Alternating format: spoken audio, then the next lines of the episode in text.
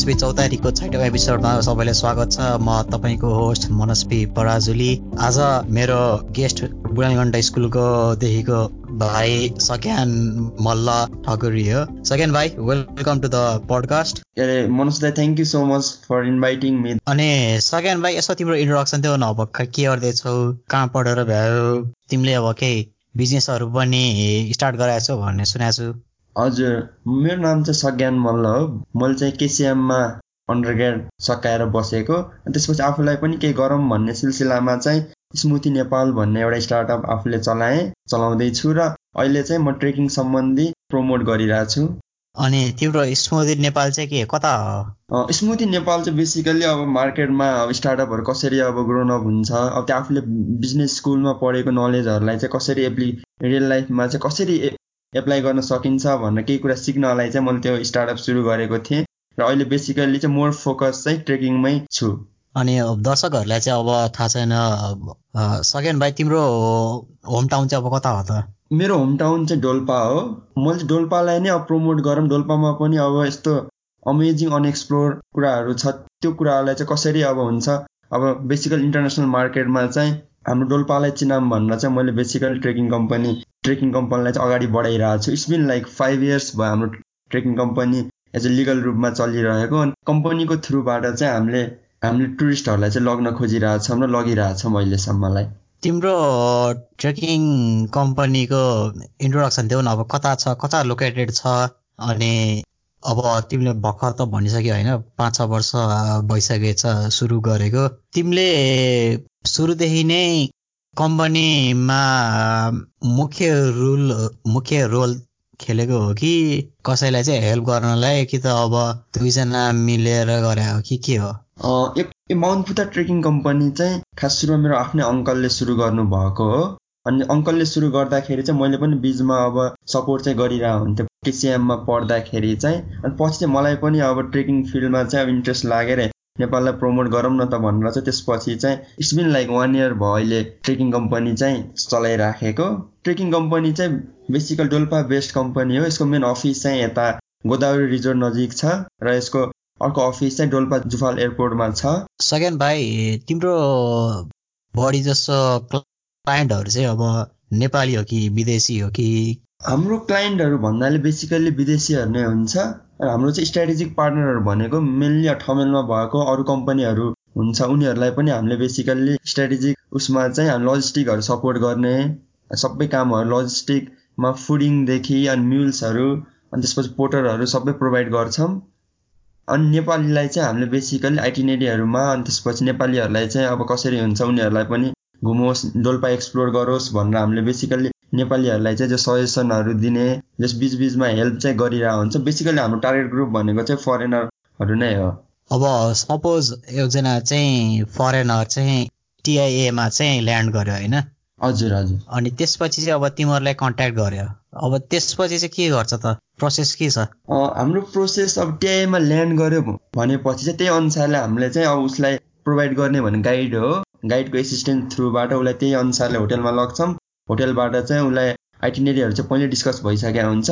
अनि त्यही अनुसारले उसको उसलाई चाहिँ हामीले बेसिकली कस्टमाइज आइटिनेरी उसको कति छ कति दिन बस्छ नेपाल कति दिन घुम्ने हो भनेर त्यही अनुसारले प्लान गरेर डोल्पाबाट नेपालगञ्ज नेपालगञ्जबाट जुफाल एयरपोर्ट हुँदै त्यहाँबाट चाहिँ हाम्रो रेल ट्रेकिङ स्टार्ट हुन्छ।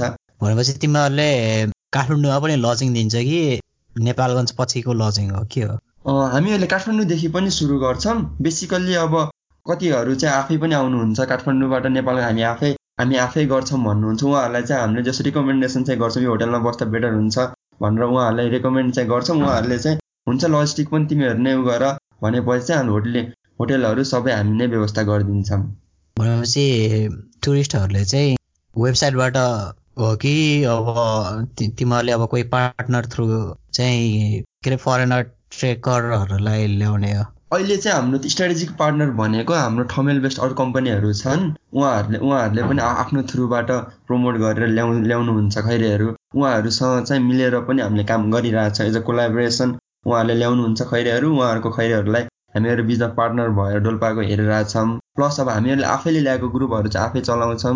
रिसेन्टली सस्तो टिकटसँग पनि हाम्रो कोलाबोरेसन भइरहेछ अब छिटै अब स्टे मार्केटमा हाम्रो चाहिँ सस्तो टिकटसँग चाहिँ हाम्रो कोलाबोरेसन देखिन्छ। एकदम राम्रो इनिसिएटिभ रहेछ। अनि एभरेजमा चाहिँ तिम्रो फरेनरहरू चाहिँ ट्रेकिङ रुट छ नि कतिको कति दिनको हुन्छ एभरेजमा के? अन्नपूर्ण सर्किट तिम्रो अब युजल्ली चाहिँ दुई तिन हप्ताको हुन्छ नि त। अनि जस्तै अब तिम्रो चाहिँ यो डोल्पा रुटको एभरेज डे चाहिँ कति छ त फरेनरहरूलाई एभरेज डेज हाम्रो यदि अब लो डोल्पा हो भने चाहिँ टेन टु टुवेल्भ डेज जति हुन्छ। अनि अप्पर डोल्पा चाहिँ हाम्रो twenty one days twenty four days अनि त्यसपछि अब अप्पर डोल्पा हुँदै अब यता मुस्ताङ मुस्ताङ सर्किट गर्ने भने चाहिँ ट्वेन्टी सेभेन डेज। अनि टोटल कस्ट चाहिँ कति लाग्छ त? कस्ट चाहिँ हजुरको फरेनरहरूलाई चाहिँ थर्टी फाइभ हन्ड्रेड जति मिनिममबाट स्टार्ट गर्छौँ। त्यसमा चाहिँ हाम्रो अब डोल्पा र मुस्ताङ भनेको चाहिँ अब one of the restricted area भएको हुनाले पनि बेसिकल्ली दुईजना चाहिँ मिनिमम जानै पर्ने हुन्छ त्यहाँ। त्यो एरियामा ट्रेकिङ गर्ने हो भने चाहिँ मिनिमम दुईजना चाहिँ जानुपर्ने हुन्छ। अनि पर्मिटहरू रेस्ट्रिक्टेड एरियाले गर्दा अलिक महँगो भएको हुनाले like it's like five hundred sixty जति पर्न आउँछ पर पर्सन हुन्छ नि पर्मिटमा फाइभ हन्ड्रेड सिक्सटी डलर जति। अनि त्यो भएको हुनाले चाहिँ अलिक महँगो नै छ भनौँ यो डोल्पा मुस्ताङ रुट चाहिँ। तिमीले भर्खर दिएको एन्सरमा चाहिँ एउटा दुईजना चाहिन्छ भन्यो अनि अर्को चाहिँ रेस्ट्रिक्टेड एरिया भन्यो। यसो क्ल्यारिफाई गरिदेऊ न। हजुर।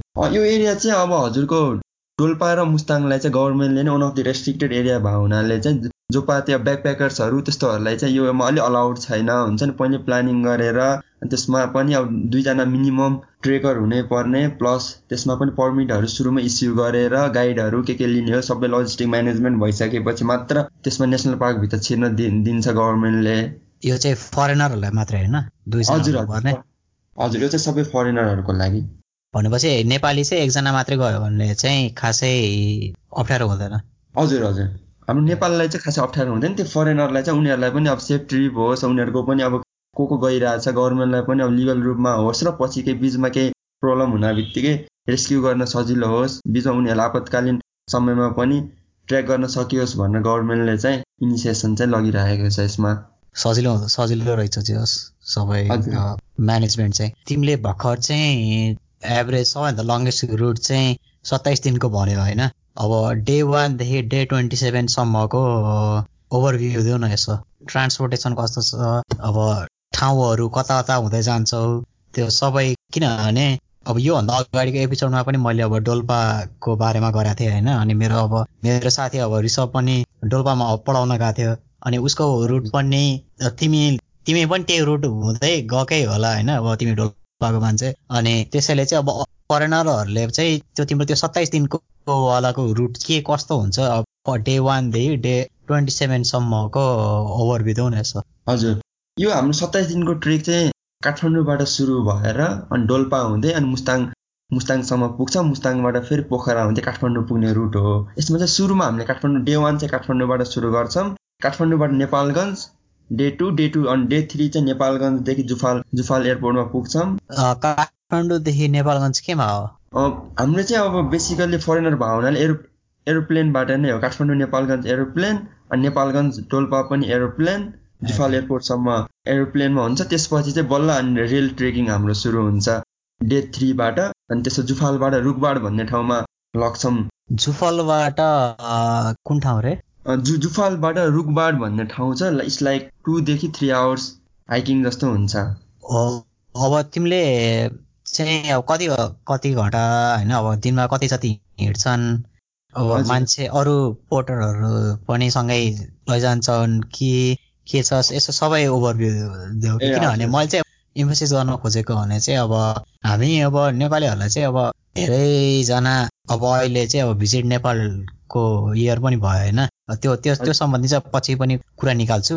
तर हामी नेपालीहरूलाई चाहिँ अब धेरै जस्तो चाहिँ अब पोखरा यता सौरात अनि लुम्बिनी मात्रै भन्छौँ नि त। यता डोल्पातिर अब सेफक्सुन्डो सेफक्सुन्डो र अब रारा मात्रै भन्छ यता कर्णालीतिर। तर त्यो बाहेक चाहिँ अरू खासै हामीले चाहिँ नेपाली डायस्पोरामा नै खासै धेरै डिस्कस गर्दैनौँ कि अनि त्यसैले पनि मैले चाहिँ अब तिमी तिमीले चाहिँ अलि डिटेल ओभरभ्यू दिन हो देऊ भनेको। मैले कसरी जान्छ होइन अब म्युल युज गर्छ कि पुरै अब हिँडेरै हो कि अब कति घन्टा लाग्छ एउटा ठाउँबाट अर्को बिचमा अब कुनै गेस्टहरू भन्नाले गेस्ट हाउसहरू हुन्छ कि हुँदैन अब टी हाउसहरू हुन्छ कि हुँदैन अब फरेनरहरूले अब क्याम्पिङ मात्रै गर्छन् कि होमस्टेहरू छ यसो सबै ओभरअल डिटेल भ्यू किनभने तिमीले अब भर्खर भनेपछि अब यो चाहिँ रेस्ट्रिक्टेड एरिया हो होइन? अनि त्यसैले पनि अब धेरै मान्छे नेपाली धेरै मान्छेहरू नै अब त्यो रुट चाहिँ खासै जाँदैनन् के?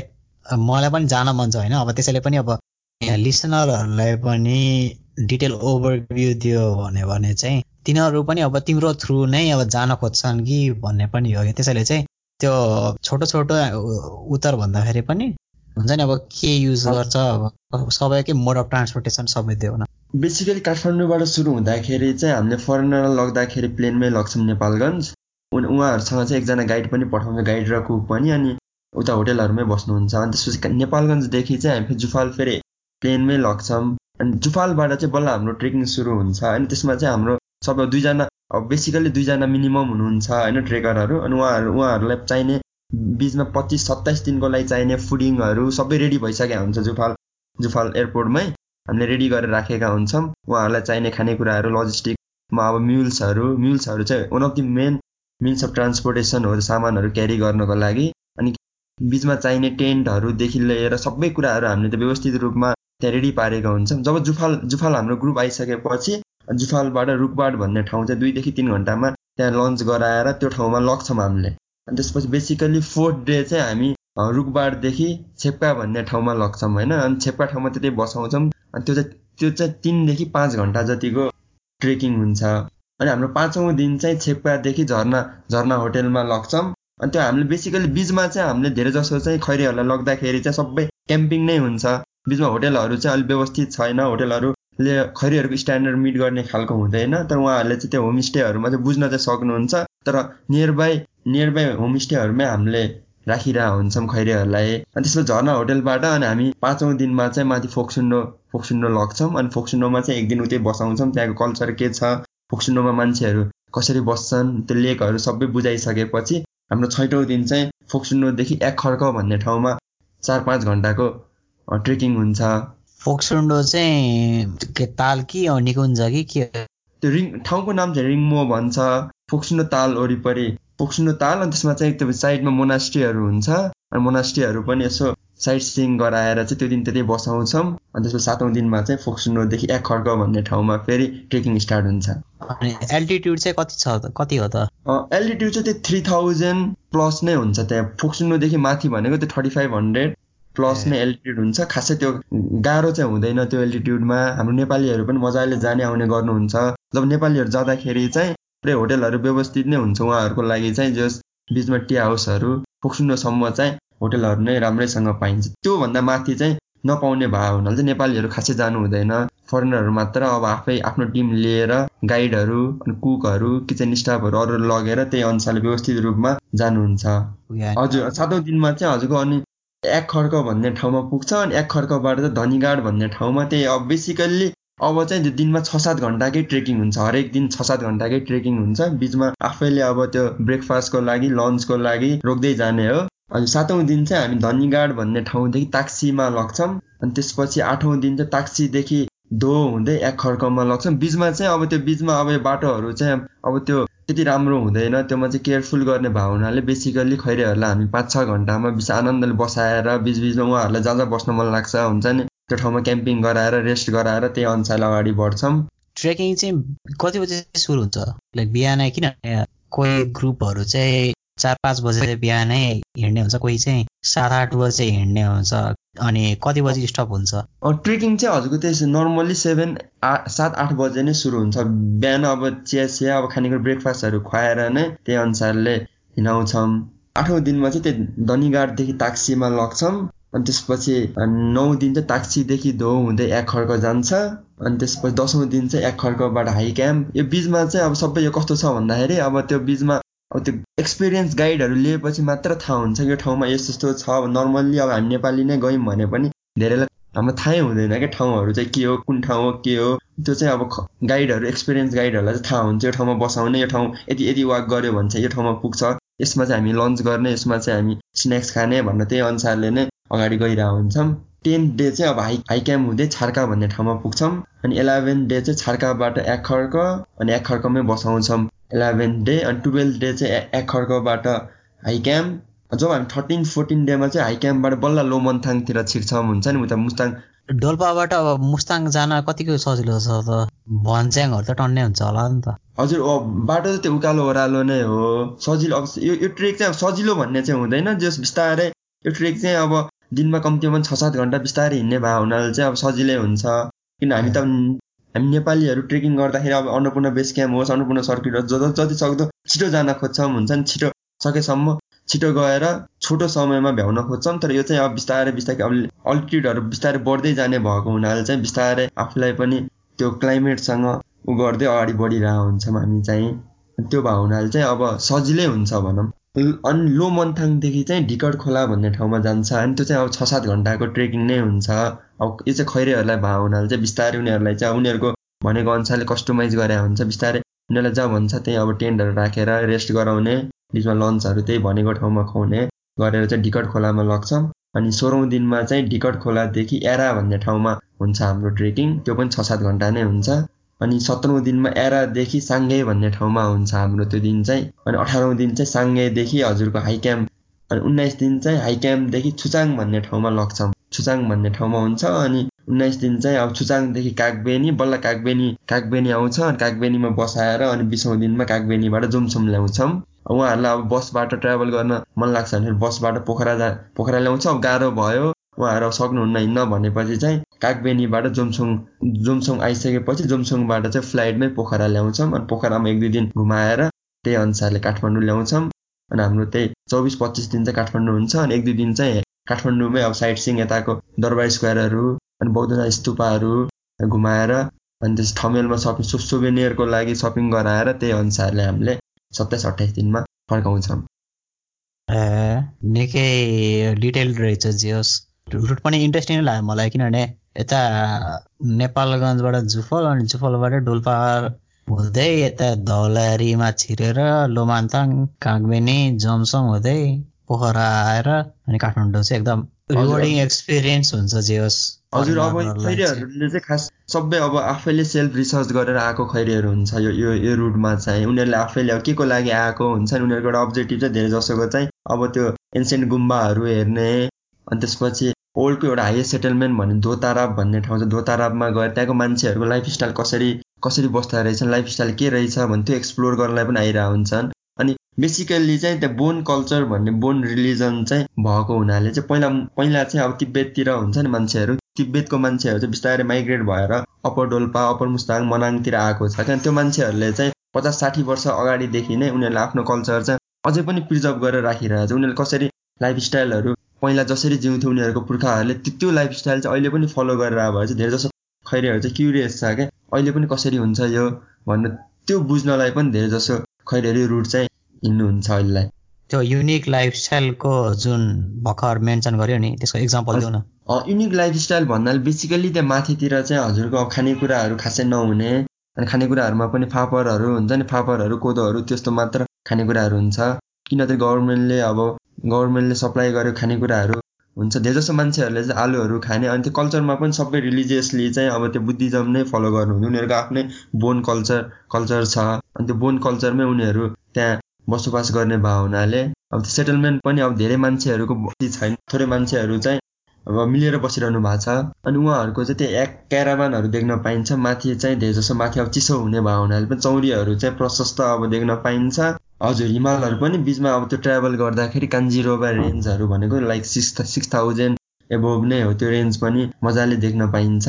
हिमालहरू पनि हिमालकै छेउछाउबाट हिँडेको जस्तो फिल हुन्छ फरेनरहरूलाई डिल त टन्नै होला नि अब डिलबाट हिँड्ने चाहिँ। हजुर बिचमा बाटोहरू चाहिँ अब त्यो केयरफुल भएरै गर्नेहरू चाहिँ हुन्छ किन बिचमा कस्तो बाटोहरू हुन्छ भन्दाखेरि अब कुनै कुनै बाटोहरू चाहिँ गाह्रो पनि हुन्छ होइन? त्यसमा चाहिँ केयरफुल आफू केयरफुल भएर नै गाइडले त्यही अनुसारले जस लगेको हुन्छ भनौँ। ट्रेकिङ गर्दा गर्दा अब सपोज चाहिँ पहिरोको बाटो भयो भने चाहिँ अनि के गर्छ त गाइडहरूले यो बेसिकल्ली चाहिँ यो हाम्रो ट्रेकिङ सिजनल सिजनल ट्रेकिङ भएको हुनाले चाहिँ यो यो चाहिँ म्याक्सिमम् यो पहिरो नहुने बेला नै गरिरहेको हुन्छ धेरै जसो चाहिँ त्यो कन्डिसन आउँदैन आयो भने चाहिँ अब पर्खिने अब अब सकिन्छ भने चाहिँ पार लाउने सकिँदैन भने चाहिँ फर्किनुपर्छ। त्योमा रिक्स लाइफ रिक्स राख्ने कुरा हुँदैन होइन? त्योमा सपोज हाई हाई एल्टिट्युड लाग्यो पहिरो सहिरो आयो बिचमा अब त्यो आफूले सोचेको भन्दा अब अरू अरू फ्याक्टरहरूले गर्दा डिस्टर्बेन्स भयो भने चाहिँ अब सकिन्छ भने त्यहाँबाट फर्किने। अब नत्र चाहिँ एक दुई दिन रेस्ट गरेर त्यही अनुसारले अगाडि बढ्ने हो। अनि सग्यान जस्तै तिमीले यो अब डोल्पाको रुट भन्यो होइन अब माथिल्लो डोल्पासम्म पुगिन्छ। अनि अब मेरो अघिल्लो एपिसोडमा चाहिँ अब ऋषभले के भनेको थियो भने चाहिँ अब त्यहाँको मान्छेहरूलाई चाहिँ सकेसम्म धेरैलाई चाहिँ अब नेपाली नै बोल्नले गाह्रो हुन्छ होइन। हजुर। अनि अब त्यहाँकै आफ्नै भाषाहरू हुन्छ। अनि त्यस्तो बेला चाहिँ अब अब अङ्ग्रेजी त अब गा गाह्रै हुन्छ होला धेरैलाई। अनि त्यस्तो बेलामा चाहिँ यो सिचुएसनले होइन अब के कस्तो दुविधा कि त अप्ठ्यारो पार्न सक्छ त? नेपाली यदि कोही नेपाली ट्रेकर नेपाली चाहिँ ग्रुपहरू चाहिँ यदि ट्रेक गरेर गर्न खोज्यो भने के? त्यहाँ धेरै जसो बोल्ने भनेको माथितिर सबै खाम भाषा भन्छ खाम भाषा बोल्छन् मान्छेहरूले। अनि खाम भाषा बोल्ने भयो हुनाले अब नेपालीहरूलाई त खाम भाषा पनि गाह्रै हुन्छ नेपालीलाई आउँदैन। त्यो बिस्तारै त्यो त्यहाँ त्यहाँको मिन्स अफ कम्युनिकेसन भनेको अब साइन ल्याङ्ग्वेज हो। साइन ल्याङ्ग्वेजबाट बोल्ने कोही कोहीलाई चाहिँ थोत्रै भयो नेपाली आइरहेको हुन्छ नेपाललाई चाहिँ त्यहाँ बस् जाँदाखेरि चाहिँ त्यही अनुसार एउटा एक्सपिरियन्स गाइड जो चाहिँ हल्का त्यो शेर्पा गाइड लिँदाखेरि चाहिँ उनीहरूलाई हल्का खाम पनि आउन सक्छ। त्यही एरियाको कुनै हुन्छ नि। गाइडहरू पोटरहरू बेसिकल्ली पोटरहरू त त्यही त्यही रुटमा सधैँ गइराख्ने भएर उनीहरूलाई चाहिँ थोत्रै खामहरू बुझ्छ क्या पोटरहरू। त्यही भएर चाहिँ हाम्रो एडभाइस चाहिँ सकेसम्म त्यहीँको लोकल लोकल कोही पोटरहरू पाउनुहुन्छ अथवा गाइड पाउनुहुन्छ भने चाहिँ उहाँहरूसँग जाँदाखेरि चाहिँ तपाईँहरूको ट्रेकिङ एक्सपिरियन्स चाहिँ अलि रमाइलो पनि हुन्छ अलि नयाँ नयाँ कुरा लोकल लोकल कुराहरू पनि अथेन्टिक तरिकाले आफैले एक्सपिरियन्स गर्न पाउनुहुन्छ भन्छु म चाहिँ। यो चाहिँ नेपालीहरूलाई पनि होइन? हजुर चाहिँ नेपालीहरूलाई पनि। त्यही भएर हामीले पनि यो रुटमा चाहिँ सकेसम्म सधैँ नै ट्रेकिङ गरेर गाइडहरू हुन्छन् गाइडहरू पोटरहरू सधैँ नै त्यही रुटमा हिँडिरहेकोहरूलाई नै हामीले मेन प्रायोरिटी गरेर अगाडि बढाइरहेको हुन्छौँ। राम्रै हो। अनि तिमीले अब सिजनल भन्यो होइन अघि। कति कुन महिनादेखि कति महिनासम्म अपरेट गर्छ त? किनभने जाडोतिर त अब पक्कै हुँदैन होला। अब जाडोतिर रुटहरू त कुनै मिल्दै मिल्दैन। अनि रेनी सिजनमा पनि रेनी त अलि हुँदैन होला अलिक ड्राई नै हुन्छ त्यो एरिया भनेपछि तिम्रो मन्थ पिक मन्थहरू चाहिँ कतिदेखि कतिसम्म हो? अनि त्यो बाहेक त्यो मन्थ बाहेक चाहिँ तिम्रो एजेन्सीले चाहिँ के गर्छ त? हाम्रो मेन अब स्टार्ट चाहिँ अब अप्रिलदेखि नै सुरु हुन्छ। अप्रिलदेखि हाम्रो खास अब अक्टोबर इन्डसम्म हो। यो रुट चाहिँ। अनि हाम्रो पिक सिजन भनेको चाहिँ August September October three month चाहिँ हाम्रो पिक हुन्छ। पिक सिजन चाहिँ हाम्रो अगस्त सेप्टेम्बर अक्टोबर यो थ्री मन्थ चाहिँ हाम्रो मेन पिक सिजन हो। धेरै जसो ट्राभलरहरू ट्रेकरहरू चाहिँ यही अगस्त सेप्टेम्बर अक्टोबरमा आउनुहुन्छ। तर युजली तिम्रो जुन जुलाईतिर हुनुपर्ने होइन र पिक जुन जुलाईतिर हामीहरूको चाहिँ छैन। हामीहरूकोतिर चाहिँ बेसिकली अगस्त सेप्टेम्बरमा चाहिँ किनभने त्यो बेलामा चाहिँ अब पुरा पानीहरू नपर्ने होइन। त्यसपछि यो पहिरोहरू केही बाटोहरू चाहिँ धेरै अब्स्ट्रक हुँदैन कि? त्यो एरियामा त्यो बेलामा चाहिँ मजाले ट्रेकिङ गर्न मिल्छ यो रुटमा चाहिँ। त्यो भएर चाहिँ अगस्त सेप्टेम्बर अक्टोबर चाहिँ हाम्रो चाहिँ पिक सिजन हो। डोल्पा अप डोल्पा चाहिँ। अनि स्नो चाहिँ कहिलेदेखि पर्न थाल्छ त? स्नो चाहिँ त्यो एरियामा अब अक्टोबरको एन्ड एन्ड एन्डदेखि सुरु भइसक्छ। नोभेम्बरमा त पुरै स्नो हुन्छ। नोभेम्बर डिसेम्बरमा चाहिँ अनि अक्टोबरको एन्डदेखि चाहिँ स्नो स्नो हुने भयो हुनाले चाहिँ अब बिचमा हाम्रो मिल्सहरू पनि जाने भयो हुनाले अनि मिल्सलाई गाह्रो हुने भयो हुनाले चाहिँ हामीले सकभर अक्टोबर एन्ड एन्डसम्ममा हामीले ट्रेकिङ स्टार्ट गरिसकेका हुन्छ। भनेपछि तिम्रो नन पिक मन्थहरूमा चाहिँ के गर्छ त? अनि विन्टर मन्थमा एजेन्सीले एजेन्सीहरूले अब अरू नन पिक उमा चाहिँ हामीले प्रमोसनहरू गर्ने अरूसँग कसरी हुन्छ कोलाबोरेसन गर्ने हुन्छ नि? अनि अरू अरू खास हाम्रोमा अरू मुस्ताङको लागि अरू अरू ट्रेकिङको लागि पनि अब बुझ्नुहुन्छ हामीले। त्यो चाहिँ सबै अब सबै आफूले नगरेर अरूहरूलाई आउटसोर्सिङ गरेर हुन्छ अरूहरूलाई दिन्छ हाम्रो क्लाइन्टहरू आयो भने चाहिँ। अनि त्यो बेलामा चाहिँ बेसिकली प्रमोसनहरू गर्ने। अनि हाम्रो चाहिँ अब यो ट्रेकिङ रुटको चाहिँ अब पर पर्सन नै thirty five hundred four thousand dollar भयो हुनाले चाहिँ हाम्रो सबै फुडिङहरूको लागि के हुन्छ व्यवस्था अर्को अर्को वर्ष कसरी प्लानिङ गर्ने फुडहरू कति हाल्ने के गर्ने भन्ने त्यो चाहिँ अब हिसाब किताब गर्नलाई नै लाग्छ वान टू मन्थ चाहिँ। ए भनेपछि त निकै प्लानिङ हुँदो रहेछ त हजुर नर्मल्ली एउटा ग्रुप स्टार्ट हुनुभन्दा जस्ट टु थ्री मन्थ्स अगाडिदेखि नै हामीसँग कन्ट्याक्ट हुनुहुन्छ प्लानिङ हुन्छ नि कति चाहिन्छ के चाहिन्छ किनभने हाम्रो आइटिनेरीहरू पनि सबै कस्टमाइज हुन्छ होइन अनि त्यो भयो हुनाले चाहिँ एउटा ग्रुपलाई हामीले सक्सेस गर्नलाई कम्तीमा पनि टु थ्री मन्थ्सको चाहिँ होमवर्क चाहिँ गर्नै पर्ने हुन्छ। अनि अब अघि नै चाहिँ तिमीले अब त्यो सत्ताइस दिनको ट्रेकमा चाहिँ निकै ठाउँहरू मेन्सन गर्यो होइन? त्यो ठाउँहरू मध्ये अब कुनैको एकदम सिग्निफिकेन्ट छ त? फोक्सुन्डो ताल बाहेक। हजुर फोक्सुन्डो तालहरू छ माथि भिजेरहरू भन्ने गाउँहरू छ भिजेर अनि धोहरू धोतारा त्यो ठाउँहरू चाहिँ सबै त्यो सानो सेटलमेन्टको मान्छेहरू छ। त्यहाँ चाहिँ मान्छेहरू बस्न देखिन्छ क्या मान्छेहरू बसेको चौरीहरू चढाएको अनि खेतीपातीहरू गरेर आफ्नो आफ्नो लाइफ चाहिँ आफै सस्टेन गरेको हुन्छ नि? खेतीपातीमा चाहिँ के मोस्टली चाहिँ के गर्छन् त? मोस्टली चाहिँ खेतीपाती त्यो फापर भयो आलुहरू भयो अनि त्यो खेतीपाती चाहिँ बेसिकल्ली त्यही नै हुन्छ माथितिर चाहिँ। अब क्लाइमेटिक क्लाइमेट हिसाबले पनि आलु र फापरहरू चाहिँ बढी नै हुन्छ माथि। तिमीले अब अघि नै पनि मेन्सन गर्यो होइन। अब हरेक ट्रेकिङ चाहिँ पुरै हन्ड्रेड पर्सेन्ट सक्सेसफुल नै हुन्छ भन्ने हुँदैन नि त। बिच बिचमा चाहिँ कोही फरेनरहरूलाई अब लेक लाग्ला कसैलाई चाहिँ अब बिचमा फर्किन मन लाग्ला अब कसै कसैलाई चाहिँ हिँड्दा हिँड्दै केही घाइते भयो भने अनि यस्तो बेलामा चाहिँ तिम्रो एजेन्सीले चाहिँ के गर्छ त? केही अब हेलिकप्टर सर्भिस दिन्छ कि अब कसैमा डिपेन्डेन्ट हुनुपर्छ कि? अब यदि नेपाली नैहरू नै अब तिम्रो तिमीले भनेको रुट हिँडेर होइन सत्ताइस दिन अब त्यति बेला चाहिँ अब केही गाह्रो यताउता भयो भने चाहिँ के कस्तो छ त त्यहाँको सुविधा? किनभने डोल्पा भनेको त अब एकदम डोल्पा अब त्यसमाथि अब माथिल्लो डोल्पा भनेको त एकदम अलिक विकट ठाउँ नै भयो नि त मलाई लागे अनुसार चाहिँ अब जुफलसम्म मात्रै जुफल सेफोक्सुन्डोसम्म मात्रै गाडी छ। गाडी जाने बाटो छ त्यस त्योभन्दा बाहेक अरू चाहिँ खासै धेरै बाटो छैन गाडी हुने खालको। त्यसैले निकै हेलिकप्टरबाटै सर्भिस दिनुपर्ने हुनसक्छ के कस्तो अप्ठ्यारो पर्दाखेरि चाहिँ नेपालीहरू अनि फरेनरहरूलाई चाहिँ अब कसरी चाहिँ एड गर्छौ? यसमा बेसिकल्ली चाहिँ फरेनरहरू जो जो हाम्रो ट्रेकिङ हामीसँग आबद्ध हुनु आबद्ध भएर गएको फरेनरहरू सबैसँग इन्सुरेन्स गरेर नै आउनु भएको हुन्छ होइन? इन्सुरेन्स गरेको भएको हुनाले चाहिँ उहाँहरूलाई बिचमा केही गाह्रो पऱ्यो अवशिष्ट नै हुनुभयो भने चाहिँ गाइडसँग नम्बर हुन्छ। गाइडसँग हाम्रो इन टच भइरहेको हुन्छ बेला बेलामा हुन्छ नि? अनि त्यही सँगसँगै अब उनीहरूसँग सेटेलाइट फोन पनि एउटा लगेर गएको हुन्छ गाइडले उहाँले चाहिँ हामी यता पुग्यो भने मेसेज चाहिँ जस हामीसँग कम्युनिकेसन चाहिँ भइरहेको हुन्छ। उहाँहरूलाई गाह्रै भयो। अब त्यस्तो कन्डिसनमा चाहिँ हामीले हेलिकप्टर नै मगाउनु पर्ने हुन्छ। अनि हेलिकप्टरबाट नै रेस्क्यु पनि गरिएको छ पहिला टु थ्री इयर्स अगाडि चाहिँ। अनि यदि नेपालीहरू जानुभयो भने चाहिँ त्यही अनुसारले अब के हुन्छ उहाँहरू? उहाँहरूले पनि सकभर अब अपल डोपल जाँदाखेरि चाहिँ इन्सुरेन्स गरेर नै जानुपर्ने हुन्छ माथितिर चाहिँ। उहाँहरूलाई पनि अब गाह्रो नै पऱ्यो भने चाहिँ अब त्यही अनुसारले अब हेलिकप्टर नै रेस्क्यु नै बढी नै हुन्छ। अनि हेलिकप्टर चाहिँ कताबाट आउँछ? लाइक कुन ठाउँ नजिक कुन ठाउँबाट आउँछ? हेलिकप्टर चाहिँ त्यो अब नियरेस्ट अब हेलिकप्टर हामीले रेस्क्यु गर्दाखेरि नियरेस्ट लोकेसन कहाँ हुन्छ? पोखरा पोखरामा छ कि नेपालगञ्जमा छ कि काठमाडौँ छ कि त्यो हुन्छ नि उनीहरूको नि त्यतिखेर हामीलाई रेस्क्यु गर्दाखेरि सबसे नियरेस्ट कुन ठाउँमा छ त्यहीबाट चाहिँ हेलिकप्टरहरू हेलिकप्टरहरू रेस्क्यु गर्न आउँछ। तर त्यो गर्दा त अलिक टाइम लाग्छ होइन जियोस् टाइम त लाग्ने नि भने निकै धेरै टाइम लाग्ने भयो त। टाइम त लाग्छ हजुर। बेसिकल्ली अब काठमाडौँबाट अब एउटा हेलिकप्टर जानलाई नै कम्तीमा पनि दुई घन्टा लाग्छ काठमाडौँबाट डोल्पा पुग्नलाई।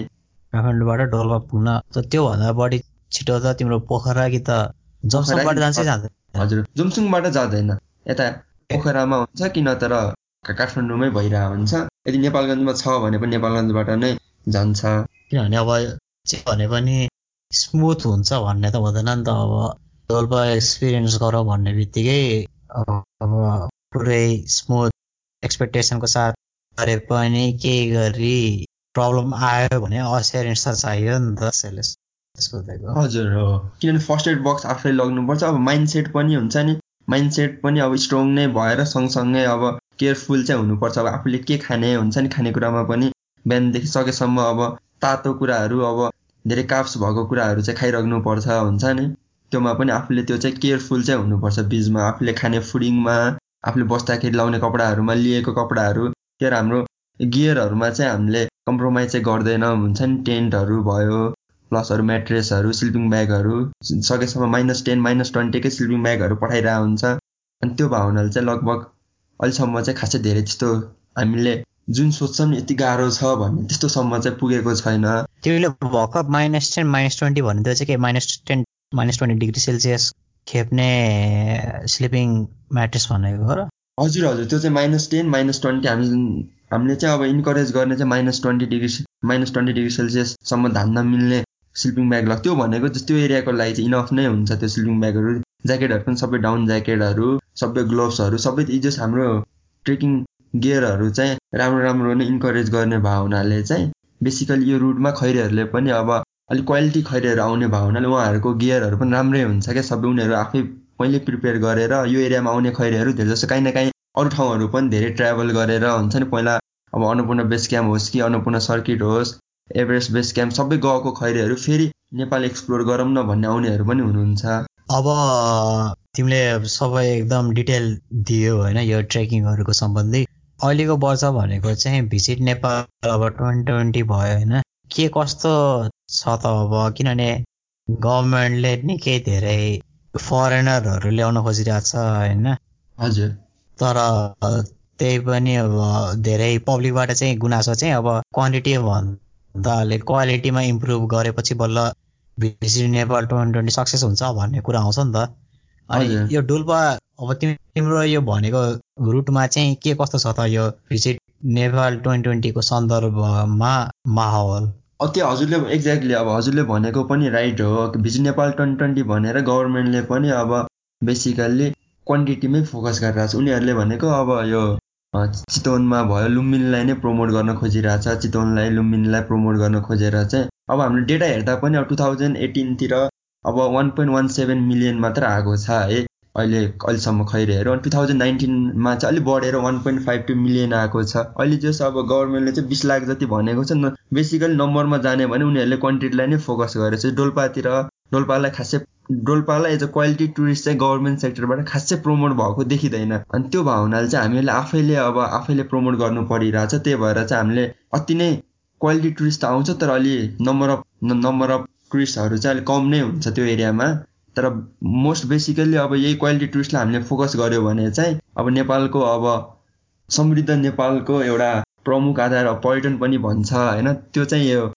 क्वालिटी टुरिस्टले चाहिँ सफल पार्न सक्छ जस्तो लाग्छ मलाई चाहिँ। सग्यान नेपालीहरूलाई चाहिँ अब तिमीले कसरी लैजान्छौ त? के एउटै सत्ताइस दिनै लाग्छ कि तिनीहरूलाई अब छिटो छिटो हिँड्ने भएको हुनाले बाइस तेइस दिनमै भ्याउँछन् कि के छ? अहिलेसम्म चाहिँ हामीले नेपालीहरूलाई यसरी अब ट्रेकिङ गरेर चाहिँ लगेको छैन कि नेपालीहरूले खासै माथितिर चाहिँ जानु भएको छैन। हामीले नेपालीहरूलाई इन्करेज गर्ने भनेको चाहिँ सेफ फोक्सुन्डोसम्म चाहिँ हामीले इन्करेज गर्छौँ होइन? उहाँहरूले चाहिँ अब डिपेन्ड छ भने कति हिँड्न सक्नुहुन्छ जस टेन डेज टुवेल्भ डेजमा चाहिँ जस काठमाडौँदेखि फोक्सुन्डो गएर फर्किन सक्नुहुन्छ नेपालीहरू चाहिँ। यो चाहिँ अब एकदम इनिसियल फेजको कुरा सोधौँ मलाई मलाई। यो रुट प्लान गर्दाखेरि हजुर कसरी प्लान गर्छ कि यो रुट किनभने अब तिमी त अब त्यहीँको लोकल भएको हुनाले चाहिँ यो यो गर्दा हुन्छ होला भन्ने हुन्छ होइन। हजुर। तर फुल एस्टिमेट त थाहा हुँदैन नि त। तिमीले आफै सत्ताइस दिन नै ट्राभल नगरे त तिमीलाई नै थाहा हुँदैन नि त। हजुर। भन्नाले अब जुफलबाटको कुराहरू जुफलबाट पोखरासम्मको रुट चाहिँ पाइलट जुन रुट हुन्छ नि त्यो चाहिँ अब कसरी चाहिँ प्रिपेयर गरेको थियौ त तिमीले? तिमी आफै के कोहीसँग ट्राभल गरे हो कि हिँडेरै कि अब किनभने त्यो नगरिकन त तिमीले फरेनर कि त यदि नेपालीहरूलाई नै त्यो रुट प्रमोट गर्नु भनेको त अलिक रिस्की भयो नि त। हजुर यो रुट चाहिँ अब बेसिकली पहिला अङ्कलले कम्पनी स्टार्ट गर्दाखेरि चाहिँ उहाँ चाहिँ जस माथि अब आफै पनि एकचोटि गइसक्नु भएको छ होइन। प्लस अब हामीले रुट यो गर्ने भनेको त्यहाँको एक्सपिरियन्स गाइडहरू भयो पोटरहरू भयो म्युल्स पर्सनलहरूसँग चाहिँ उहाँहरूलाई कहाँ बसाउँदा ठिक हुन्छ हुन्छ नि। हामीले अब खैरै हिँड्न सकेर पनि हुँदैन म्युल्स हिँड्न सक्छ सक्दैन। त्यसपछि खानेकुरा लग्न सकिन्छ सकिन्छ बिचमा अब क्याम्पिङ गर्ने ठाउँहरू छ छैन हुन्छ नि सबै हेरेर उहाँहरूलाई अब सपोज अब कुनै कुनै ठाउँ चाहिँ सपोज अब सत्ताइस दिन भन्नुभयो होइन कुनै खैरेहरूलाई चाहिँ अब सपोज हामी अब सक्दैनौँ सत्ताइस दिनमा हाम्रो अब टाइम छैन। एक्काइस दिनमा भ्याम भन्यो भने चाहिँ कुनै कुनै बिचमा कुनै कुनै बाटोहरू चाहिँ हामीले लग्दैनौँ कि घुमाउँदैनौँ। कुनै कुनै गाउँहरू चाहिँ नछिराएर त्यहीँबाट कसरी सकिन्छ त्यो अनुसारले सुरुमै प्रिपेरेसन चाहिँ हाम्रो वान मन्थ टू मन्थदेखि नै भइराखेको हुन्छ कसरी लग्ने हुन्छ नि रुटहरू चाहिँ। किनभने हामीसँग गएको गाइड र पोर्टरहरू चाहिँ त्यो एरियामा दस वर्ष पन्ध्र वर्ष हिँडेकोहरूसँग नै कोअर्डिनेसनमा हामीले यो रुट प्लानिङ गर्ने हो आइटिनेरीमा चाहिँ। त्यो रुट प्लानिङ त भयो होइन तर तिमीले अब फर्स्टमा जुन रुट प्रिपेयर गर्छ नि मैले चाहिँ त्यो फर्स्टमा जुन रुट प्रिपेयर गर्दाखेरिको डिफिकल्टी सोध्न खोजेको कि? किनभने अब सबै क्यालकुलेट गर्नु पऱ्यो नि त। यो यो बाटो जाँदाखेरि चाहिँ बिच बिचमा कुनै टी हाउसहरू छैन। नेपालीहरूलाई पनि के? बिचमा कुनै टी हाउसहरू छैन। अब यहाँ क्याम्पिङ गर्ने ठाउँहरू ए यहाँ रहेनछ। किनभने यदि तिमी त्यो रुट ट्राभल गरेकै छैनौ भने त तिमीले प्लान गर्नै सक्दैनौ नि त। त्यसै हजुर हो। त्यो बेसिकली त्यो रुटमा गएकोहरूलाई नि कति बेसिकली ट्रेकिङ भनेको हजुरको फाइभदेखि सेभेन आवर्सको हुन्छ होइन?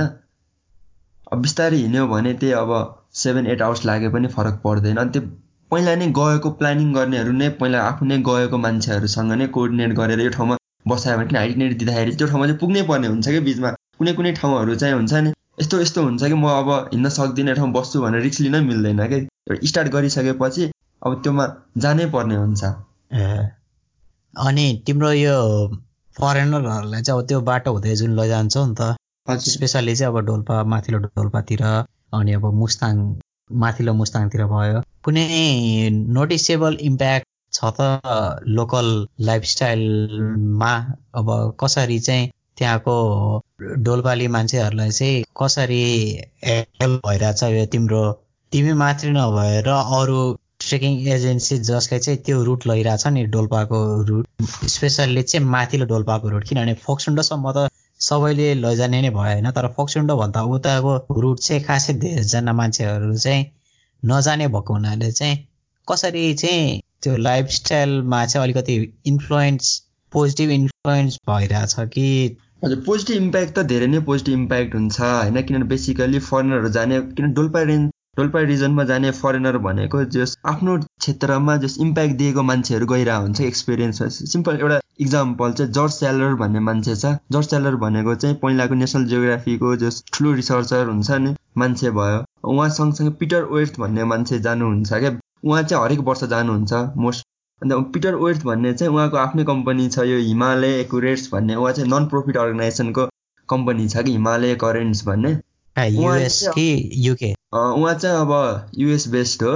चाहिँ उहाँले चाहिँ त्यहाँ अब सस्टेनेबल अब इनर्जीमा हुन्छ नि कसरी सोलर पावरहरू दिएर हुन्छ कि त्यहाँको बच्चाहरूलाई पढाएर हुन्छ कि बोर्डिङमा त्यस्तो चाहिँ गर्नुहुन्छ। कि उहाँले चाहिँ त्यहाँको माथिको अप्पर डोल्पाको रिजनमा चाहिँ सोलर पावरहरू चाहिँ राखिदिनु भएको छ कि उहाँको अर्गनाइजेसनले चाहिँ। अनि त्यो भावनाले चाहिँ त्यहाँको मान्छेहरूमा चाहिँ पोजिटिभ इम्प्याक्ट नै देखिन्छ। यदि यदि खैरीहरू आउनुभयो भने त्यही अनुसारले त्यहाँको लोकलसँग कोअर्डिनेट गरेर उहाँहरूले दिन सक्ने डोनेसन हुन्छ कि उहाँले जस्ट राइट मान्छेसँग कनेक्ट चाहिँ गराइदिनुहुन्छ। राम्रो इनिसिएटिभ रहेछ। किनभने मैले किन सोधेको भने चाहिँ मैले धेरै स्टोरीहरू सुनेको छु कि जसमा चाहिँ अब फरेनरहरूले चाहिँ नेपालको कुनै रिमोट ठाउँहरूमा गएर चाहिँ त्यहाँको एजुकेसन सम्बन्धी चाहिँ अब इम्प्रुभमेन्ट अझै गर्न मिल्छ भनेर चाहिँ अब स्कुल बनाउन खोजिदिने कि त कुनै एजुकेसन रिलेटेड टेक्स्ट बुकहरू किनिदिने कि त युनिफर्महरू किनिदिने कि त लाइब्रेरी नै इस्ट्याब्लिस गरिदिने। अब कि त अब तिमीले भने जस्तै अब सोलरहरू पनि इस्ट्याब्लिस गर्न हेल्प गरेको जस्तैहरू चाहिँ अब एक्जाम्पलहरू केही छ कि भनेर सोध्न आउँछ। ए हजुर त्यही मेन चाहिँ सोलरमा किनभने त्यहाँतिर रुखहरू त्यस्तो पाउँदैन हुन्छ। अनि त्यो भावनाले पनि अब सोलर प्यानल राखिदियो भने उनीहरूलाई इनर्जीको लागि चाहिँ अब सजिलो होस्। उनीहरूको लाइफ चाहिँ अब एटलिस्ट कम्फर्टेबल होस् भनेर चाहिँ यस्तो इनिसिएसनहरू गरेको प्रोजेक्टहरू चाहिँ छ माथि हुन्छ नि। स्कुलहरू पनि छ जसमा अब नेपालीहरू आफैले पनि गरिरहनु भएको छ प्लस फरेनरहरूले पनि जस हेल्प चाहिँ गरिराख्नुहुन्छ आफूले। आफ्नो अब सेकेन्डको कति कति ट्रेकरहरू चाहिँ अब सेकेन्ड थर्डचोटि पनि जानुहुन्छ क्या। त्यो भएर एकचोटि एक्सपिरियन्स गरिसकेको ट्रेकरहरू चाहिँ अर्को पालि जाँदाखेरि चाहिँ केही न केही अब पोजिटिभ इम्प्याक्ट पर्ने कुराहरू चाहिँ लगेरै जानुहुन्छ भनौँ। त्यही त। एकदम राम्रो इनिसिएटिभ ल्याएर रहेछ तिमीले चाहिँ जो सब मान्छेहरूलाई चाहिँ डोल्पा जस्तो ठाउँमा लैजाँदाखेरि। अनि तिमीले चाहिँ डोल फ्युचरमा कुनै प्लान छ त अब डोल्पा अब मात्रै नभइकन अब अरू कर्णालीको अरू जिल्लाहरू पनि पुर्याउने कि अब डोल्पा मात्रै फोकस्ड हो कि हो?